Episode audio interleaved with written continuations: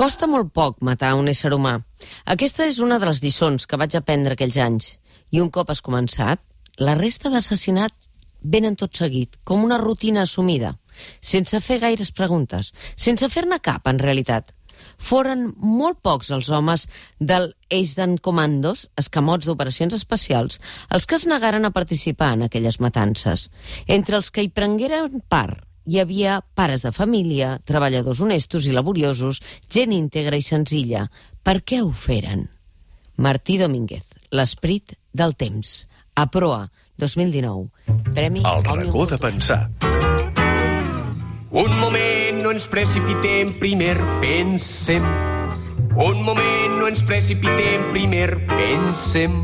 Jo pense... I Xavi Antic, benvingut al teu racó de pensar. Molt bon dia, Mònica. Avui meravellosament acompanyat, no del David Fernández, que per cert avui presenta el llibre del Guillem de la Núria Cadena juntament amb en Carlos Marquès Marcet i els pares d'en Guillem a, a les 7 de la tarda a la biblioteca Jaume Fuster, molt ben triat el lloc, per cert, sinó que ens acompanya precisament en Martí Domínguez. Ho hem aconseguit. Ho hem aconseguit, per Martí fi. Domínguez, molt benvingut Bon dia. i moltes felicitats. Moltes gràcies, molt, molt content i il·lusionat, també. La veritat és que sí, perquè eh, dèiem amb en Xavier que vingui el, el Martí un dia, que vingui el Martí un dia... i Des del setembre que va sortir la novel·la, que la vam llegir de seguida, ho vam dir, eh? Que, que va sortir. Però el Premi Òmnium a la millor novel·la de l'any ens en dona l'excusa d'agenda. Ara que, que, que té el premi, ara, ara que vingui. Escolta, ens has explicat que, que aquesta novel·la porta 10 anys coent-se, Martí. Sí, realment el, el que hi ha és un procés lent perquè no era fàcil trobar la veu i, i tampoc saber eh, què és el que vols contar, no? Hi ha una arrencada, que això és molt literària, que fins i tot és les últimes planes de novel·la, va ser les primeres que vaig escriure, que és eh, l'input que et dona eh, l'espurna, que dius que hi ha una cosa que vull contar, però com fer-ho per a no recrear-me excessivament de la violència, per a no caure, una novel·la de nazis, m'entens? Que per a no reincidir en, el, en coses que la gent ja sap, però que jo sé que hi ha al darrere un, una espècie de, de vel que ha ocultat unes culpabilitats que jo a poc a poc he anat descobrint i, i, i esglaiant-me una mica, no? Digues, caram, eh, quanta impunitat. Quanta impunitat. Abans parlàvem de la impunitat i aquí és massiva, perquè una de les preguntes, eh, Xavier, mm, que, que fa quan va morir George Steiner, que ens vas fer aquell meravellós racó de, de pensar de- d'emergència, George Steiner, una de les preguntes que no es va poder resoldre en vida era aquesta, precisament. No? El per què. El per què. No, el per què Com passava aquestes coses, Com no? pot ser que gent formada intel·lectualment, tecnològicament, arribi a, a cometre... Aquest segurament és el gran encert de la novel·la del Martí Domínguez, eh? que és basada en fets reals, com explica en la nota al final, que és l'abordar, ara deia una mica la dificultat de trobar la veu, eh? cal recordar una mica que la novel·la està escrita en primera persona Clar. i està escrita justament per un protagonista Un de, de la política eugenèsica dels nazis, de la política racial, un científic de primer nivell, reconegut per l'acadèmia, publicacions final. extraordinàries, i que trenca una mica el tòpic amb el qual habitualment ens acostem una mica a tots aquests fenòmens, de pensar que eren una colla de gent abduïts, no?, irracionals, sense preparació, etc. I la gran pregunta és com gent d'aquest primer nivell, no?, d'aquest enorme nivell i d'aquesta enorme preparació, no només van mm, seguir i estar a favor de les polítiques del nazisme, sinó que en van ser en bona mesura els ideòlegs de la columna vertebral d'aquest caràcter assassí, no? Adolfovich. Aquest és el protagonista, no? Uh, però aquest, aquest el, un punt de partida molt potent, perquè automàticament situa el lector a dir, escolta'm, no ens estem movent a, en allò de, bueno, són els polítics que se'ls hi ha anat de olla. No. No, no, però eh, a mi el que me, me colpia era... Jo soc biòleg de formació, és, i bé, doncs, en els meus manuals de, de text doncs, hi ha molts noms que a poc a poc hem sabut que havien estat nazis, no? Perquè realment n'hi hagué una, un desig de passar pàgina eh, Adenauer ho va dir, no? el canceller, haurem de conviure amb l'àuia bruta durant uns anys Però, clar, una cosa és conviure amb gent que ha tingut algun paper amb, amb els ideòlegs. No? Realment, eh, gran part de la universitat alemanya va participar, eh, tots mm, d'alguna forma van traure profit. Bueno, aquest Hi- hi- senyor hi- el va rebre el Premi Hi Nobel. hagué un cinisme, clar, clar. No? I això implica també que les idees d'aquests científics eren molt potents. Cal recordar que des de 1900 fins a 1945 reberen 38 premis Nobel. Això im- implica el nivell altíssim. de- Si tu volies fer ciència als- a l'inici del segle, del segle XX, havies d'estudiar alemany per, per nassos. Si volies fer química, física o qualsevol cosa. Einstein publica els seus articles en alemany, lògicament. Tot això eh, eh, el que fa és eh, reflexionar com, d'alguna manera, el nazisme va oferir a la ciència una, un instrument per a anar medrant eh, i sobretot als austriacs. Àustria era un país d'un catolicisme asfixiant i els científics austriacs estaven entusiasmats. Els més nazis dels nazis són els austriacs. I els intel·lectuals i els científics en connivència amb el règim. I això segurament és un fet molt diferencial del que va representar. molt diferencial i segurament molt singular respecte d'altres totalitarismes, Exacte. no? Jo crec que una mica per posar un aspecte molt concret de la novel·la, no? que jo crec que l'interessant d'aquesta novel·la és que ho posa en carn de personatges Ah. i amb iniciatives molt concretes, no? El protagonista és un personatge que es dedica a l'estudi del comportament animal Ah. i que pràcticament, sense fer cap spoiler, perquè està al començament de tot, ens explica que, eh, diu, fa temps observa pertorbacions en el comportament dels oques salvatges com a resultat de la domesticació.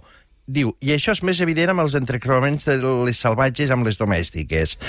I diu, podria ser un argument de gran importància per impedir la mescla de les races. És a dir, un que estudiant les oques descobreix Un que estudia les oques, Si salvatges les barregem... Eh, perden, per- perden en qualitat perden. genètica, no? I com això pot acabar-se aplicant com, com a base substantiva de que si passa amb les oques i, Com per no tant, amb la resta dels animals, mm, per què no ho apliquem als humans? De que, efectivament, també d'aquesta perspectiva, els més salvatges, si s'entrecreuen amb els més domesticats, pensen, i pensa el protagonista, es degenera la raça, és a dir, et surten elements mm, que no són bons, no? que es perd, se deteriora, es degenera, que és un concepte molt important en la ciència nazi, i d'alguna manera tot se desplega a partir d'aquí, Per tant, no? com el nostre objectiu és preservar màximament no? la, la puresa i l'eficiència i la productivitat, Ària. no? Àrea de...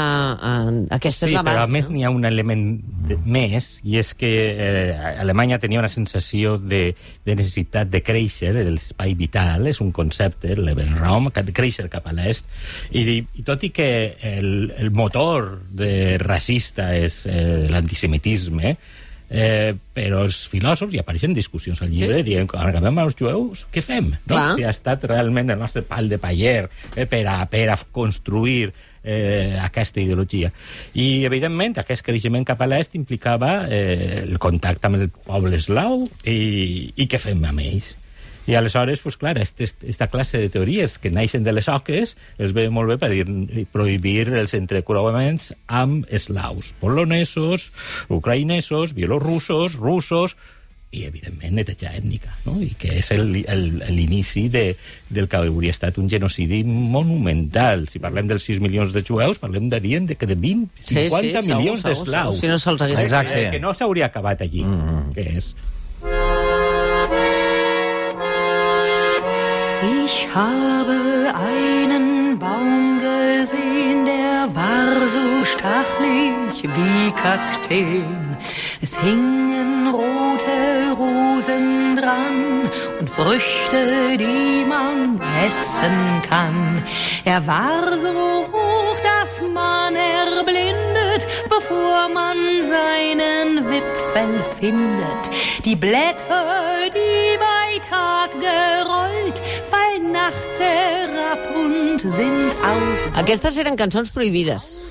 Cançons prohibides, que ningú no es pensi que estem posant música nazi dir, per a il·lustrar el programa, eh? expliquem-ho, expliquem-ho. Són eh, les cançons, hem fet una tria d'un disc meravellós que va gravar el, el 96 Ute Lemper amb cançons de l'època de la República de Weimar, per tant, abans de l'ascens del Sí. nazisme, de les cançons de cabaret, que són irreverents, un elogi de la llibertat, de l'esperit crític, de la denúncia, que totes aquestes músiques van ser prohibides a partir del 1938 amb una exposició esfereïdora de pensar encara avui, que es deia Entartete Music, la música degenerada, que per amb ells era tota la música negra, de jazz, i, òbviament, tota aquesta música que consideraven com absolutament llibertina, diguem-ne, no? Ich habe en Xavier Antic té a les mans un monogràfic eh, perquè en Martí Domínguez va coordinar un monogràfic de la revista Mètode que, que dirigeixes eh, sobre ciència i nazisme. I el té a la mà obert, no sé per quina pàgina, ja saben els oients de Matí de Catalunya Ràdio que el, el racó de pensar és aquell lloc on governen en Xavier Antic i en David Fernández i on eh, jo administro eh, de cua d'ull el que veig que passa. Pobres de Quina, nosaltres! quina part de, del... És la revista Mètode que dirigeix Que es el Martí troba? Domínguez. Es troba perfectament sentint, a la llibreria. És el número 102, que conté un dossier monogràfic que es titula Ciència i nazisme, i que jo crec que és un extraordinari complement de la novel·la perquè posa, d'alguna manera, de relleu que tot allò del que em parla la novel·la És- és- és no veritat, és una invenció no és de una ficció. I veiem una mica totes les fotografies, els dossiers d'aquestes branques de la ciència, des de la més científica fins a la geografia, per entendre'ns, de com contribuïa a dotar el nazisme d'un suport mm, de bastides científiques extraordinàriament sòlids, esfereïdorament sòlids, no? Clar, perquè, Martí, aquesta és una de les preguntes que, que t'acabes fent, no? Uh, en aquella època, els intel·lectuals i els científics que van donar suport a això eren el mainstream. És a dir, les Hannah Arendt, no. És a dir, la gent, eh, la gent que després va, va denunciar i va, va dir ei, ei, ei, ei, no?